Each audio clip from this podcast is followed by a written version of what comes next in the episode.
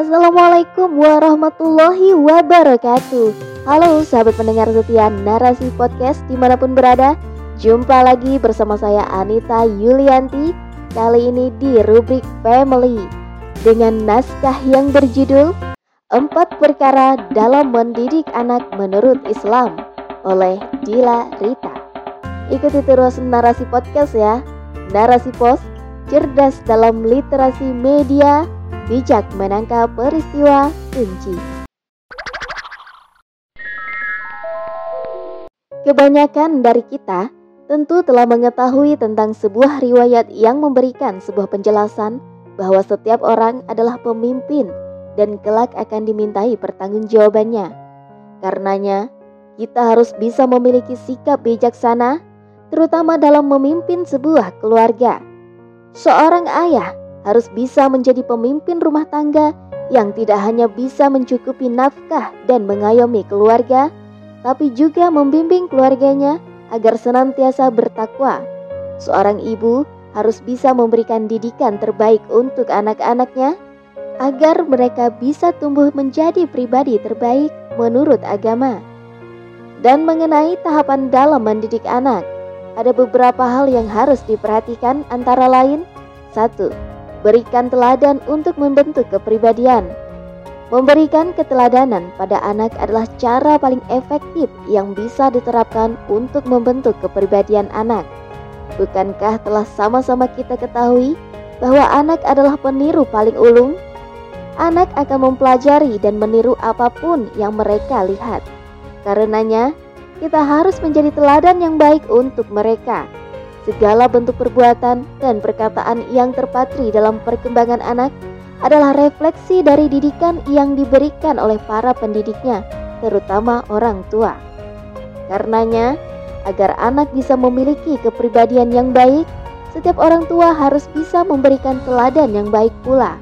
Dan tidak ada teladan yang lebih baik melainkan dari sosok sang pembawa risalah Rasulullah Shallallahu Alaihi Wasallam. Sebagaimana yang telah Allah jelaskan dalam firman-Nya, Quran Surah Al-Azab ayat 21. Maka, kenalkan sosok Rasulullah Shallallahu Alaihi Wasallam kepada anak-anak kita sedini mungkin. Ceritakan kepada mereka kisah para nabi yang dapat memberikan banyak pelajaran dan keteladanan. Hal lain yang perlu kita perhatikan dan terapkan dalam mendidik anak melalui teladan adalah hindari kalimat perintah. Jika anak terbiasa mendengar kalimat perintah, sering kali mereka akan merasa tertindas dan ingin memberontak. Hal seperti ini juga akan berdampak pada pembentukan karakternya di masa mendatang. Alih-alih menggunakan kalimat perintah, alangkah lebih baik jika kita memberikan mereka kalimat motivasi sama halnya dengan mengajarkan anak pada rutinitas ibadah seperti sholat dan mengaji. Jika anak hanya diperintah, sedang kita sendiri tidak menunaikannya, maka anak tidak akan mengikuti apa yang diperintahkan. Sebagaimana yang pernah disebutkan dalam sebuah riwayat oleh Al-Jahid ketika Uqbah bin Abu Sufyan menyerahkan anaknya pada seorang guru. Ia berkata, Sebelum engkau membuat anakmu menjadi saleh, Selesaikanlah dirimu dulu. Dua, latih kedisiplinan dengan pembiasaan. Agar anak dapat memiliki sikap kedisiplinan, maka hendaknya setiap orang tua mulai membiasakan mereka dalam memanajemen waktunya sejak dini. Jelaskan kepada anak-anak mengenai pentingnya mengolah waktunya dengan baik. Bahkan jika diperlukan, latihlah dengan memberikan hukuman atau konsekuensi kepada mereka. Karena hal seperti ini cukup efektif diterapkan dalam melatih kedisiplinan anak. Dalam kitab Ihya Ulumi Ad-Din, Imam Al-Ghazali pernah mengatakan, Anak adalah amanah bagi orang tuanya. Hatinya yang suci adalah substansi yang berharga. Jika ia dibiasakan dengan kebaikan, ia akan tumbuh dalam kebaikan dan bahagia dunia akhirat. Adapun jika ia dibiasakan dengan kejelekan dan diabaikan begitu saja seperti binatang, maka ia akan sengsara dan celaka. Maka dari itu, menjaga anak adalah mendidik, mendisiplinkan, dan mengajarkannya alat-alat terpuji. Untuk menerapkan pendidikan anak melalui pembiasaan ini sendiri, kita sebagai orang tua juga harus memahami konsep parenting yang diajarkan oleh Ali bin Abi Thalib yang membagi tahapan mendidik anak menjadi tiga tahap.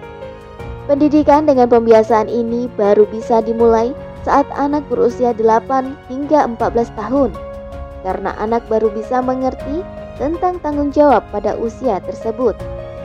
3. Bentuk ahlak dengan nasihat.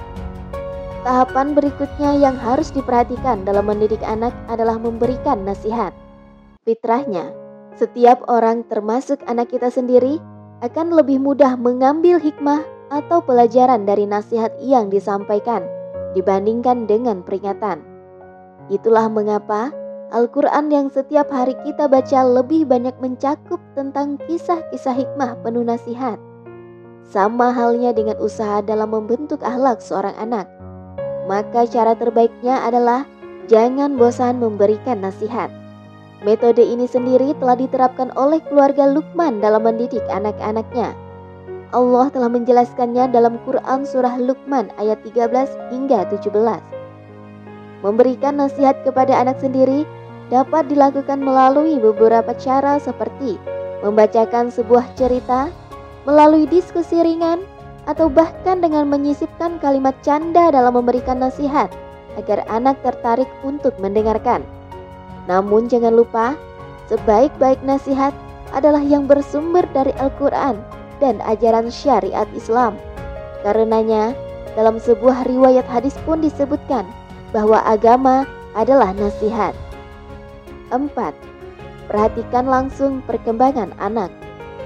Allah berfirman dalam Quran Surah At-Tahrim ayat 6 Hai orang-orang yang beriman Peliharalah dirimu dan keluargamu dari api neraka Ali bin Abi Thalib menyebutkan bahwa maksud dari ayat ini adalah agar setiap dari kita mendidik dan mengajari mereka. Tidak mungkin bagi seseorang mampu memberikan didikan dan ajaran yang benar tanpa mengetahui seperti apa kondisi mereka dan didikan apa saja yang dibutuhkannya. Oleh sebab itu, setiap orang tua hendaknya memperhatikan langsung perkembangan anak-anaknya, baik dari segi tumbuh kembang, kemampuan berpikir, hingga teman bergaulnya. Orang tua tidak boleh mengabaikan anak-anaknya begitu saja. Mereka harus tetap diawasi meski telah menempuh pendidikan formal sekalipun. Tidak hanya perihal pendidikan, bahkan saat anak sudah mulai tumbuh dewasa, setiap orang tua harus bisa memperhatikan dengan benar mengenai pasangan hidup yang akan membersamai anak-anaknya dalam berumah tangga kelak. Menjadi orang tua bukanlah perkara yang mudah. Tugas kita tidak hanya memberikan didikan agar anak dapat tumbuh menjadi pribadi berakhlak dan memahami ajaran-ajaran agama Islam, tapi lebih dari itu semua adalah tentang pertanggungjawaban kita kelak di hadapannya. Karenanya, tidak akan pernah ada kata selesai bagi kita semua untuk senantiasa belajar dan memperbaiki diri. Tidak hanya belajar ilmu pengetahuan, namun juga belajar menjalani kehidupan dan menuntun setiap orang yang kita sayang agar senantiasa berada dalam kebaikan. Wallahu alam bisawab.